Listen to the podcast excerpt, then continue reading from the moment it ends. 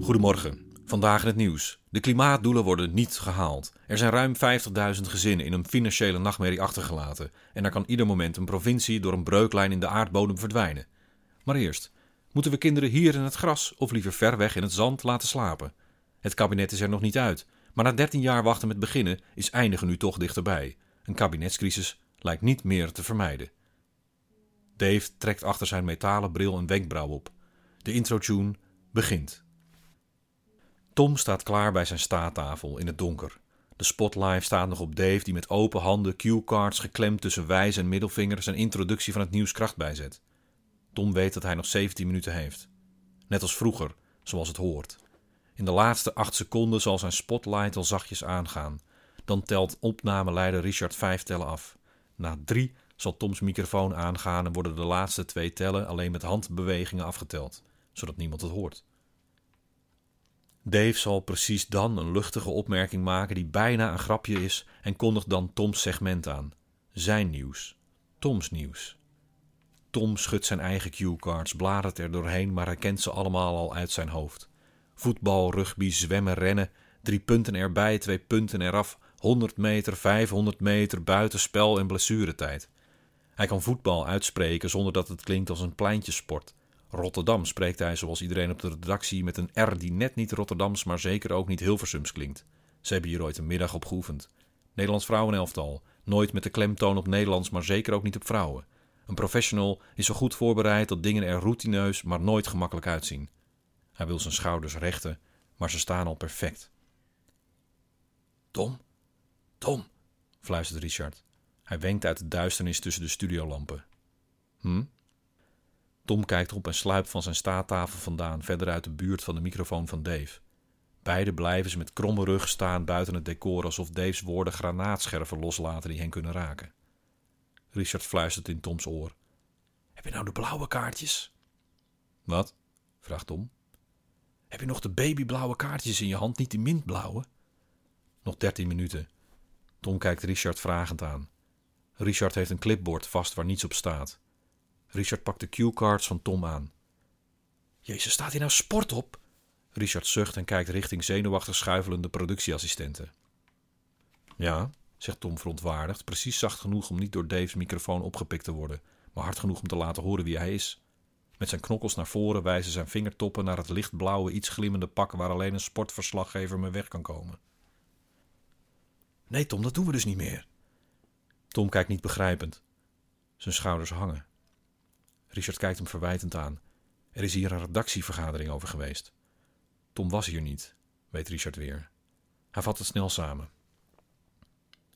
Er kwam een brief van iemand die vroeg waarom het al dik 70 jaar gaat over sport primetime tijdens het journaal. Dit deed een balletje rollen, een discussie kwam los, lang verhaal kort. Geen sport meer, Tom. Waarom deden we dat eigenlijk? Is het belangrijk voor wie? Uh, miljoenen mensen, Richard. En ja, ja, we hebben ook een voorbeeldfunctie. Sport heeft minder invloed op ons dan het weer. Bovendien ligt sport de laatste jaren politiek veel te gevoelig, Tom. Het polariseert. Gaan sporters wel of niet naar de corrupte spelen in een of andere zweterige dictatuur? Kunnen we niks mee. De stickers zijn al van de busjes, Tom. Hup mee met de tijd. Tom zegt niets. De oude formules werken niet meer, Tom. Dat mensen ergens om vragen betekent niet dat we moeten antwoorden. Tom kijkt Richard aan. Richard reikt naar achteren en pakt een stapeltje mintblauwe cue-cards aan van een hand die vastzit aan een lijf dat hij niet aankijkt. Hij geeft ze aan Tom. Tijd voor de vragen die nog niet gesteld zijn, fluistert hij. Uh, wat dan? vraagt Tom.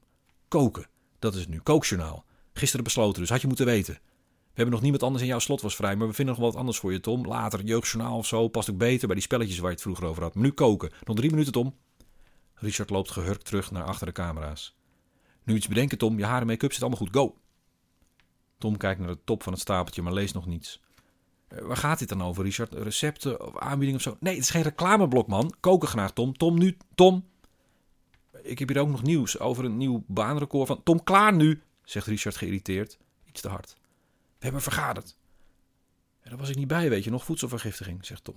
Ja, heel goed, gebruik dat. Er staan uitslagen op die cue-cards in je hand en op de teleprompter zo. Nog 30 seconden, Tom. Tom slaat de kaartjes om en leest. Ja, maar wat, wat is dit dan? Ja, gewoon mensen die hebben gekookt. Sommigen heel goed ook, zoals Tineke uit Hengelo. Die met die biryani heeft zichzelf echt overtroffen. Ja, vorige week ook met hutspot, maar dat was een thuiswedstrijd. Dit verwachtte niemand. Oké, zegt Tom verbaasd. Winst en verlies, daar gaat het om. Eh, ja, ja oké, maar wat, wat, wat de fuck is oko, okonomiyaki? Vraagt Tom. Ja, geen idee, weten we ook niet. Maar Ricardo uit Appelscha dus ook niet. Het was niet te vreten. kwam net binnen. Ha, zegt Richard opgewekt. Maar waarom deze mensen? Waarom andere mensen, Tom? Koks of zo? Mensen die ervoor zijn opgeleid, net als, net als topsporters. Omdat? Vraagt Richard. Dat is bijzonderder. Bijzonderder is geen woord, Tom. Dit is wel de NPO. Eh, wel hoor trouwens, maar ik bedoel meer bijzonder. Een chefkok is meer bijzonder. Nee, dat is het dus niet, Tom. Tom, we gooien het om. Leg je er neer. Ik ben hier ook niet voor opgeleid. Hallo, ik ben, niemand is ergens voor opgeleid, Tom. Niemand is voorbereid en niets te voorspellen. Dat is niet hoe het leven werkt en we gaan stoppen met doen alsof, Tom. Ja, het is hoe het is, zucht Tom, terwijl hij door de kaartjes bladert. Precies, fluistert Richard. Tom kijkt op in de camera. En dan nu in vijf, vier, drie. In stilte gebaart Richard 2, 1.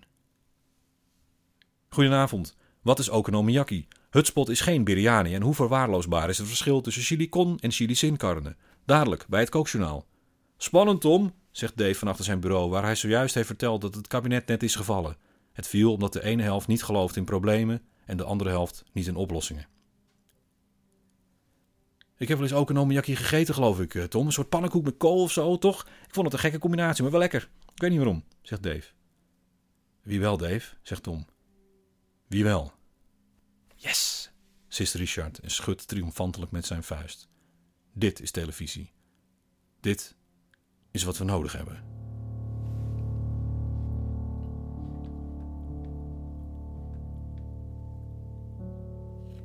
Nou, dit was het Kookjournaal. Een verhaal in de reeks Zeg maar Bram. Mede mogelijk gemaakt door doorklink.nl, die nog veel meer podcast maken. Je vindt mijn Instagram en Facebook trouwens in de show notes, maar laat vooral een recensie achter in de app van de streamingdienst waar je dit nu in luistert. Dan ontdekken zo mogelijk nog meer mensen deze verhalen. Of niet, dat kan ook en dan huil ik mezelf in slaap vanavond. Maar genoeg over mij, hoe is het met jou? Volgende week de laatste aflevering van dit seizoen. Tot dan en tot het volgende verhaal.